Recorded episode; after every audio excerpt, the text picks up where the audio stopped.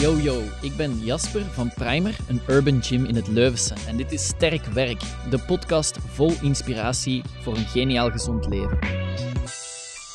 Welcome to Powerlifting Pros. English it is for today, because we're interviewing Job, my own coach. By now, we have a mix of English and Dutch spoken episodes, so go and check out the previous ones. What is life like being a remote coach on the other side of the world?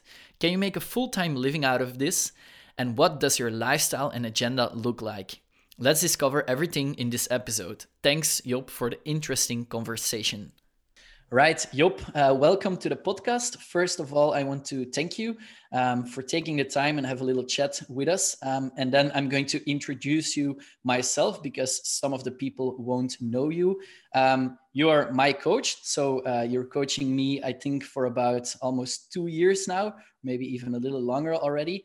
Um, you're not located in Belgium, and you're not the typical power lifter that we have uh, on the interviews but uh, you can talk more about that, of course. Um, first of all, give yourself an introduction as well. Who are you? Um, how, how, are you involved in strength sports? And if you can, please share your numbers, your squat, your bench, and your deadlift with us. Hi. So I've been uh, training for a long time with some type of weightlifting or strength sport. Like it started when I was around maybe 14 years doing some like bodybuilding style uh, training more. And now I'm doing for the past eight years, maybe some more focus on CrossFit and trying to compete uh, in CrossFit. So it's still some parts of strength, but more conditioning and uh, gymnastics uh, mm. involved. Mm. And what are your recent numbers on the squat, bench, and deadlift, if you know them by heart? Well, I haven't done like a true one rep max for a long time since it's not something uh, you're you need to do often in competition. So I'm not really training for that, and it takes a lot out of out of your system to do something like that. Mm-hmm. So it's been a while, but like squat for me, it's 180, one rep back squat.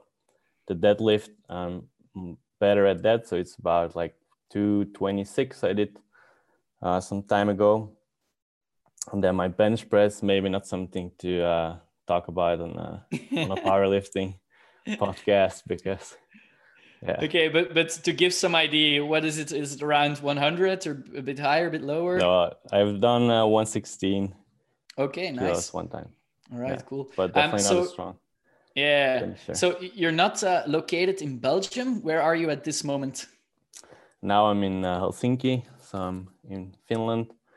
I've been here for the past two years now and uh, yeah, it's awesome here. Uh, we got some snow the past day, so that's great. Okay. So, and how did you end up there? Because you are Belgian. Yeah, so I'm from Belgium, but uh, so two years ago, I know three years ago now, I met my girlfriend in Belgium. She was mm-hmm. studying there uh, at the time, and so she's Finnish. So she stayed uh, in Belgium to study, and then she was working there as well uh, at Rogue. Uh, but then she moved back here to Finland because she wasn't really finding uh, her place there in Belgium. Mm-hmm. Uh, but at the time, I was working at a CrossFit coaching already uh, at CrossFit Leuven mm-hmm. back in the day. Um, so I had a really good setup. Like I got an awesome job there, so I didn't want to move. Um, but I always wanted to move away from Belgium. I was always saying like I'm gonna go abroad someday. Um, it was more uh, when my when I say it to my friends now, they're always laughing because I said I want to go somewhere warm, to the beach, to the sun, and then I end up like up in the north where it's minus 13 today. So that didn't go to plan. But then uh, some I stopped working at the CrossFit because they sold the CrossFit. Um, so I was out of work, and there was mm-hmm. a really good opportunity for me here to come mm-hmm. uh, coach at a CrossFit box here, CrossFit Central Helsinki. Okay. So I've been there now the past two years, uh, coaching classes and. Okay, so um, if I can go back a bit, so my first encounter with you, and I don't think you you will remember or, or notice that uh, was in CrossFit Leuven. I followed there a barefoot uh, training or running uh, clinic, and you were training there. And I remember you were doing, I, I, don't exactly remember, but I think it was something with muscle ups, ring muscle ups, or bar muscle ups, and it was with a weight vest. And so we were following the running clinic, and you were training at the back, and I was like, whoa, this guy is crazy. So I knew you a bit. Um, the the CrossFit gym that you used to coach for in uh, in Belgium was CrossFit Leuven, which is now CrossFit Super Seven. That's correct. Yeah. Okay. And how long have you or did you coach for uh, for the CrossFit here in uh, Belgium?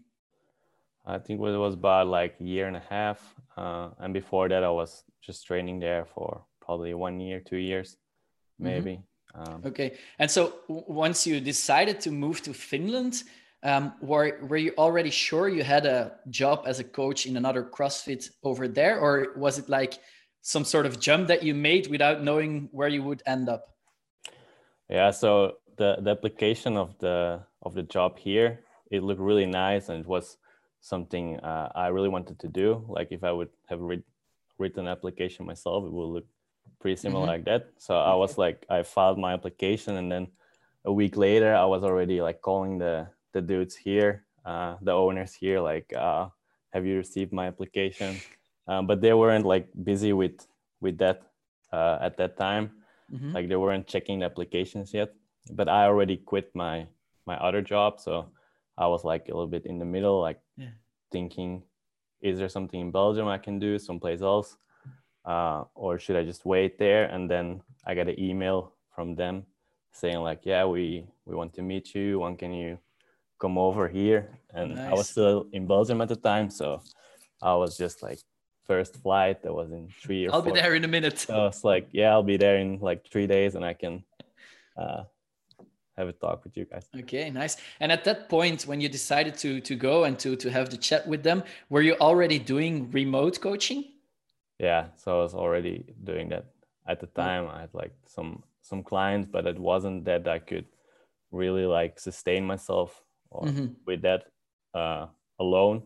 So I had some money saved up, and I knew like I can go some months without really uh, having work. So it was I was pretty prepared, and I of course could stay at the, my the parents uh, mm-hmm. of my girlfriend's place. So I had some like system to to fall back on if it if it wouldn't work out. Mm-hmm. Okay, that, that sounds very nice. Um, and I think a lot of people listening are dreaming about going abroad and taking the jump, and you just did it. So it's very nice to hear that. Um, since then, how much did the remote coaching uh, grow for you? Yeah, I just built it over time, over the months. I myself got a lot more professional. I did more education, just get a lot more experience. Where now I'm at a point that I don't really need to take on uh, more clients so i can sustain myself with that only mm-hmm. i'm still giving some classes some crossfit classes and some other classes in the in the week but it's like maybe one fourth one third of the time mm-hmm. i spent all other time it's just only uh, remote coaching and okay. online coaching all right that's cool um, so some people that are listening are probably also remote coaching and are thinking like ah oh, could i live could I, could I build out a living from it or not? And you actually did it. So um, if you just try to take us through a regular week of Job, what does it look like more or less? Because probably people that don't know remote coaching are like, yeah, it will, it will be chilling all day and then in the evening do some coaching or. Uh, so now I've like it also took some a long time to really get a system set up. So if you would like to do some remote coaching, I think it's good to start having a system of how you do things. So now for me, when I wake up, uh, this year I started with some new life. Uh, I I do some reading, some uh, nonfiction reading in the morning. Mm-hmm. Then I most of the time I go through the the completed workouts from from the people I coach. So they with the True Coach app, they can put their workout online with videos and then I can comment on technique or just how their workout was. So I do that in the in the morning for an hour, maybe an hour and a half. Then I go train myself depending on the day. It's gonna be like two hours, maybe one hour. Um, mm-hmm. What I have for training. Then when I come back home, I do a few hours of programming. So I have specific days for like Monday, I have those five people I need to make program for, then Tuesday, the next five. And so I have the whole week set up um, depending on what my time table is for that day uh, to program the training sessions mm-hmm. for the next okay. week or and are you are you doing this every day seven out of seven or well i was doing it but now my system is gotten better and i've gotten better at like doing the actual programming so i'm working more efficient so now mm-hmm. i try to have saturday and sunday off but then some evenings i do have the the classes i coach in the crossfit still and some saturday mornings i also have some classes so mm-hmm. in general i try to have sunday uh, off from from all work and it's been going great the past weeks mm-hmm. okay uh, um, sounds interesting. So, if you look back back at yourself, the whole uh, progress of building out a system, getting more efficient at coaching, um, what would you say is like uh, your biggest advice to someone starting new, or what would you say like if you as as Job should start over? What would you say like this? This is something I would do uh, differently from the start. Um, I think for me the most important was just to get rid of all the distraction around you. So I had my phone laying next to my my work uh, on my desk, and then you get notifications and stuff, and you get distracted with that. So just putting the phone away, uh, all other distractions away, so you can take time like one or two hours to be very productive. Mm-hmm. Uh, also planning it in my calendar, so it says like pretty specific in my calendar. I wake up, I have breakfast, I do this, and then I start two hours of mm-hmm. programming, mm. for example. So for me, that helped a lot, just planning the day and then putting all distractions to the okay. side. Okay, good takeaways. Thanks. Um, do you have people in your remote coaching that you have never seen in real life?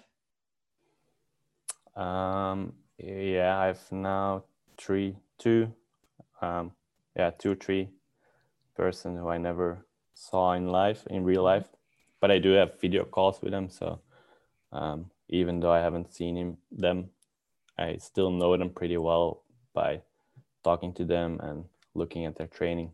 Okay. And is it something that's more difficult not seeing someone in real life? I know there's a live coaching call, but it's still, yeah, it's still different, I suppose. Um, well, you're, it's something you need to learn and get better at. Like it was in the beginning in the coaching it was really hard to teach people new things when you're not mm-hmm. standing next to them. But then it's a skill you need to develop as well. So if you're only able to use your uh, computer or to teach people something you need to find other ways like making loom videos or things like that Mm-hmm. Okay. So, talking about Loom, because I am uh, remote coaching myself as well, and I can uh, clearly say that I learned a lot from you already, uh, which also includes Loom. Can you talk a bit more about Loom? Because I didn't see that before, and I think it's something very valuable for remote coaches. So, it's uh, just a, uh, an application on your computer then that you can um, make a video of your screen. So, if you go through a video of a person doing like a, squat or or a weightlifting movement then you can pause it and say like now you're doing this and correct their their form and mm-hmm. their technique. Yeah so so as from what i've experienced working with loom now is it's a great addition to what i do. If i receive videos from you through loom it's also a great addition to my own training. Um, at this point you are still using the free version or?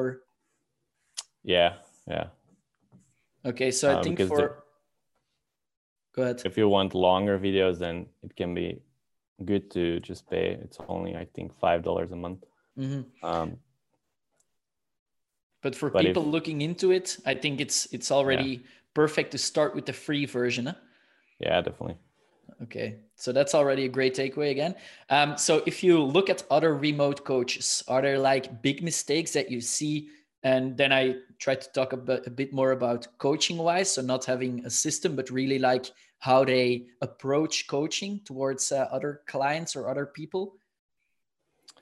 I think one of the the things that you need to be careful of is just giving the the clients too much what they want to do instead of what they need to do and more educating them more of why they're maybe not ready yet to to do certain moves or to increase the weight too much and first uh, convince them that they need to work on their technique and see it more as a as a long term plan and not just short term making progress. Mm-hmm. okay. so just... and so everything you do you can do through through TrueCoach so as you said like uh, you write the programs out and what what does it how does it look like if you try to teach someone a new movement? Well you want to break it down of course into smaller smaller things. Um, so you start with some basic basic movements mm-hmm. that they can do and then you can progress it uh, like that. Okay and so does true coach in this case includes uh, videos or do you make them yourself or how does that work uh, yeah like that yeah so you can with the TrueCoach the good thing is you can upload videos and you can make videos yourself so um, you can really show them what you're expecting them to do and then they can do it themselves make a videos and like that you can go back and forth uh, learning a new skill or mm-hmm. improving mm-hmm. uh, their okay. technique so as i'm I can speak from experience by uh, being coached by you, and I've learned a lot of new things. So it is truly possible, and uh, the way Job in this case does it is uh, is very good. So I think True Coach, Loom videos, uh, the coaching call add up to that experience. So that's great. Je luistert naar Sterk Werk, de podcast van Primer, een urban gym in Leuven. Zometeen meer pro-tips, maar ik wil er ook even van profiteren om het harde werk van onze eigen coaches in de verf te zetten. Dankzij hun inzet en harde werk bieden we nu terug volledig open gym aan, naast onze outdoor en online groepsessen. Ook om materiaal te huren kun je nog steeds bij ons terecht. Voor meer info stuur ons even een mailje op info@primeracademy.be. Um, for people listening, probably uh, with or without being involved in uh, remote coaching, we all think the same. Okay, remote coaching, that's the ultimate goal because you have complete freedom. You can work whenever you want, you can work from where you want. Is this correct? Or do you say, like, mm, it's not the, the perfect situation that you imagine in your head? Well, for me, it's, it's perfect because, like you said, that's what I, um, why I want to do it and why I really like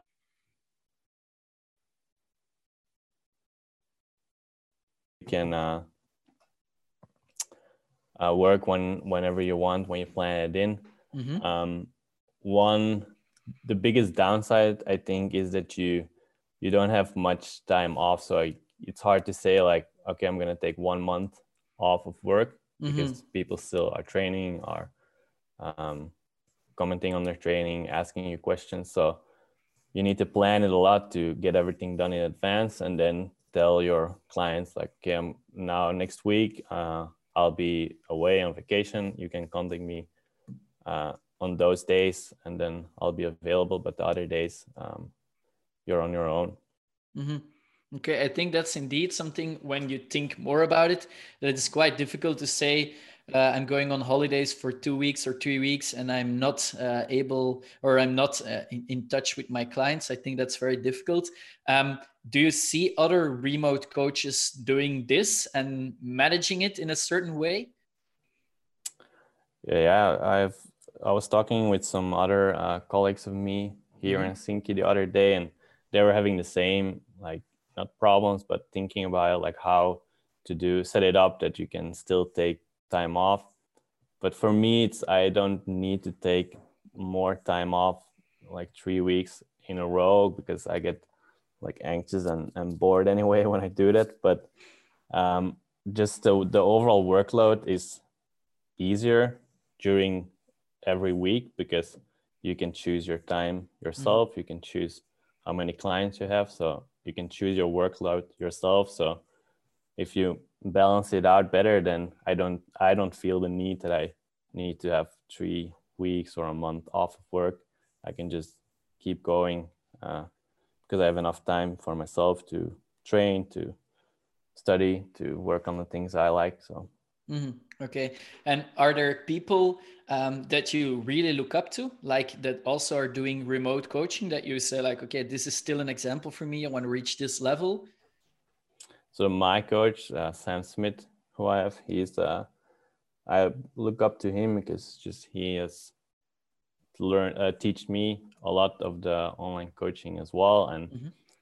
he just managed it really well, has a lot of clients. Um, I think the difference is that I'm trying to compete myself, so I want to focus on that for for part and train a lot still outside work. For him, it's just like his only, or not maybe not only, but big focus is his work, so mm. he can put more time time in his work. okay so and do you sometimes talk with him about workflow and those things or is it uh, only training yeah when there's time left well we also have like a monthly video call when there's time left in the video call we can uh, i often ask some questions how he does things and how he works mm-hmm. and is there like a major takeaway that you got through him that you say like okay i'm doing this right now and this is a tip he gave me well planning in your work in your calendar that's something he taught me and it worked really well for him and now i'm also implementing it and seems to be working also really well uh, mm-hmm. uh, for me. Okay, nice. Planning is key, of course. Yeah. I think that's something uh, everyone that is into planning uh, feels. Um, if there's someone listening now and that, that is wanting to start out with coaching, probably one of the questions is how much do you ask? Like, what is the, the, the right price for, for my coaching? How do you decide in which price range you should aim? Do you have tips for doing that? Well, I think it depends a lot. When I started, money isn't really the the factor. It's more of getting the experience and maybe coaching some friends or family. Mm-hmm. So you can't really charge a lot of money um, when you start and when you're still learning, and if it's more friends. But then over time, when you develop yourself as a as a coach and you get better, you do more education, and you want to make it your only income, you also need to start thinking about yourself and just see like how much time do I spend uh, for each client. So how mm-hmm. much time do I want to make per hour or whatever uh, works for you, and then just base it off of that. I think a lot of coaches actually not are not charging what they're worth and are working way too much for not enough money. I think it's mm-hmm. also with people who are um, who are being coached that they sometimes don't see the work that gets in into uh, making their training and stuff like that. Mm-hmm, mm-hmm. I think that's also something you notice as a coachee the moment you start coaching yourself because this this is what happens often is like you get coaching and then at a certain point you're like I think I can also start coaching people. And as you say, it's some way of growing. So at first you don't, uh, you do it for not that much money. Uh, you're not that experienced yet, but once it uh, it grows, you can start asking a bit more. Of course, and this is something I noticed myself as well in my remote coaching, but also in running the primer. Um, changing your price is not very easy. So um, if there's someone that is wanting to change their price, ask a bit more in this case do you have like an idea how to how to come up with this situation how to deal with it i, I want to uh, share my experience as well um, but first up to you well the most important is you need to decide for yourself what what's your worth and then you need to set it for yourself mm-hmm. you can't you can't decide um, what what people want to pay for you so mm-hmm. Mm-hmm. you just need to set the price and then um, find the people who want to pay it and if somebody doesn't want to pay it's not like that's that's okay mm-hmm. Mm-hmm. okay i think that's something very interesting so as if i speak for myself so um, once we grew with the primer at first i was teaching for free completely free every class. We started at three euros a class then we moved up to five and then we moved up again. So once i got more experienced the business started growing the equipment and stuff uh, got more professional. We also asked uh, a different price. And i think something uh, a, a big mistake from me in the past is like being afraid to ask more like yeah. always thinking about oh yeah but if i ask more i will probably lose a few people. And really hold on to this thought like okay i will uh, lose people if i ask more. That's why i'm not going to ask more and you stay in the same position. Do you have advice if someone is listening in this position? Um yeah there will always be people that quit but there will always be people that that stay as well. So the, what you need to do is just believe in yourself and um, be comfortable with with what you charge. So you need to keep improving your value of the service um, you give to people, and mm-hmm. also not only for yourself, but just ask the, the clients like what they want extra or how do you can support them more. So they can see that you're trying to increase the value with raising the price it will only get better for them as well mm-hmm, mm-hmm. because as a coach it's never about money it's just about well we need to make a living ourselves mm-hmm. so we're not wanting to get rich we just want to do this for a living mm-hmm, because mm-hmm. it's an awesome job yeah, sure. And even if it was because you wanted to get rich, that is also your right. So if yeah. you want to charge charge a lot more just to earn more, that's what you told in the beginning is it's still the, the people's decision if they want to to give this to you and if they value your offer and, and if they're okay with paying this and this is i think something that at a point and i'm I, i've been through it myself a lot of times when you want to charge more you always have your own reason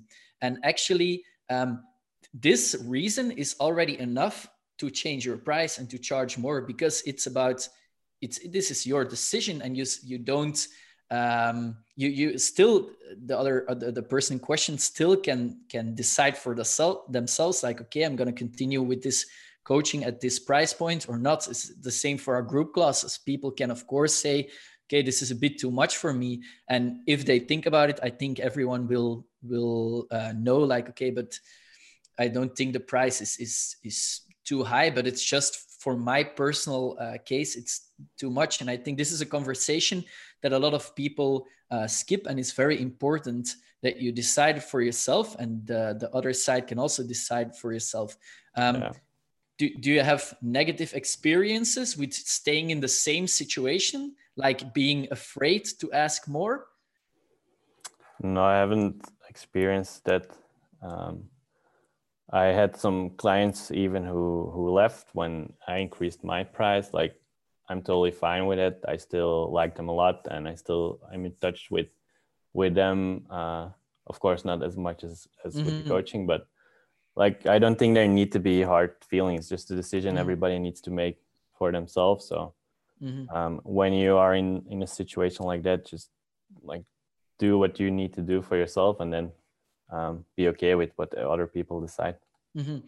i think also and that's what you touched on as well if you as a person if you know you're all in every time for each client uh, for every person for every hour and you improve yourself day after day week after week month after month year after year i think then uh, deciding those things is perfectly uh, perfectly okay. Yeah all right. Okay. Um, when you look at your own training, uh, so you you uh, told us you're competing or you you're training to compete. Um, there is no view yet, I think, uh, on CrossFit competitions uh, because of Corona. Um, how do you stay motivated at this point? Um, well, the I don't train. I train to compete, but that's not the part that motivates me. I okay. do struggle with it in the past, like maybe two, three years ago. I just wanted to get better than the people I was competing against, and that was the only focus. So I wasn't really focused focused anymore on on the training, just like improving numbers, getting better at certain movements. And then I wasn't really getting better. I wasn't enjoying the training anymore so much, and I got pretty frustrated. So then I had to like take a step back and ask myself, why do I train? What do I like? Uh, about training what feelings do i like and then i figured out for myself like just the feeling of, of during training that i want to feel like sweating breathing just working hard pushing myself and that keeps me going and motivates me. So when there's no competition, I know that I just need to keep like working, um, trying to enjoy the training by focusing on just the feelings that the training give me before, during, after. Mm-hmm. Uh, so that's what motivates me. Also, that I don't need to compare myself with other people. I just want to get better than than I was like mm-hmm. the day before, or just in general. I, I feel I can improve myself a lot still, so I can keep progressing by mm-hmm. focusing on myself and enjoying what I do mm-hmm. because I okay. want to do it. Cool. Uh, that's I think very interesting. Um, do you have off days where you really don't feel like training? Um, not that much. Like I said, it's I just like the the training that I do. So uh, I don't always feel like doing the training because mm-hmm. the training I do, most of them, it's not really exactly fun, or mm-hmm. because it's, it's still the training is hard and yeah. a lot of the training hurts. Um, but then I know why I'm doing it because I want to improve myself mm-hmm. and because I just like pushing myself. So that gets easier once you get started, knowing what you're doing, why you're doing it. Mm-hmm. And have you have you ever coached people that are not or weren't training yet, like completely new to physical activity? Um, yeah, well, yeah, some in the past I had some people that were really starting and trying to get fit. Mm-hmm. And like because some some of some of us that are not into sports uh, if if they listen to uh, someone that is really into sports talking it's like yeah but it's easy. You like sports. You don't have to push yourself. You're always looking forward to train uh, how do you how do you give advice or what what type of uh, advice would you give to someone that doesn't feel like training as with benefits from training? Maybe not at the level you're at but but as a as a person that is not doing any physical activities yet or barely? Well it's super individual for for everybody. So it's like an you need to explore what what you like and the things you don't like. So i can't say like you need to do this for training but you need to start figuring out your own body and how it moves how it feels when you do things. So i would say just try a lot of things and see what what is good what feels good for you. There's no one fit one fits all. Mm-hmm, mm-hmm. Okay and so um, to wrap up the conversation one uh, topic that we didn't really talk about that much is uh, corona. Um, we skipped it a bit but we cannot skip it completely of course. Do you get impacted a lot as a remote coach uh, because of corona? Um, well it was in the in the beginning uh, in march. We had a lockdown here as well for a mm-hmm. month, and some of my clients in Belgium they were uh, also having to train at home, so there mm-hmm. was a little adjustment just to get everybody set up that they can still keep training with what they have. But it's maybe um, not so good for you guys, but here now in Finland, everything is going well. The gyms mm-hmm. are still open. Um, so now at the moment, there are no real restrictions for mm-hmm. me uh, like you said, there was no competition, but actually, I have a qualifier coming up for a competition next uh, in two weeks or next okay, week. Okay, nice. So there will be some uh, competition to look forward to in the in the future. Mm, okay, cool. And at this point, are there still uh, people you coach that are in lockdown or training at home? Yeah, I've just a few, uh, but they all have some form of equipment so mm-hmm. they're actually good to go and i need to keep having the conversation like why do you want to train what mm-hmm. do you mm-hmm. like about it mm-hmm. uh, what what okay. are the goals and keep that in mind if you're uh, having to work from home or mm-hmm.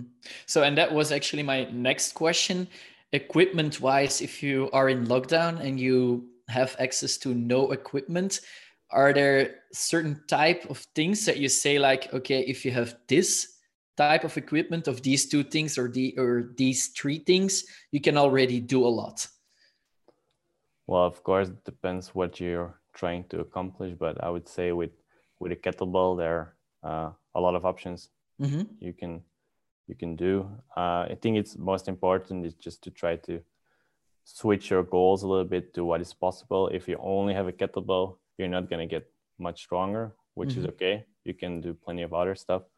Uh, just don't start doing like a thousand burpees a day or something. But other than that, people that are that were planning this probably yeah. a lot of them. I want to do thousand burpees a day. Yeah, Okay, so but a kettlebell, I don't think it's too expensive and uh, it gives you a lot of options. If you look at something more uh, cardio wise, like uh, we of course know the the biggest four machines, the the bike, the skier, the rower, and the echo bike. Is there if if someone is planning on buying one of these uh, four or maybe renting them, which one gives you the most options? Do you think? Well, again, it's the same. Uh, what are your goals? What are you planning to do? Like if you are more like CrossFitter, then probably uh, a rower would be good mm-hmm. because that gets used a lot if you want to compete anyway. Um, mm-hmm.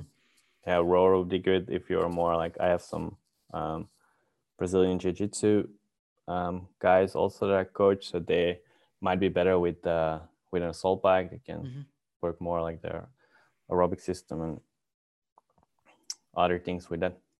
Mm-hmm. Okay, nice. Uh, so Job, thanks for having this uh, conversation. We touched on a lot of interesting topics, uh, not always the easiest ones, but uh, thank you for sharing your look on it.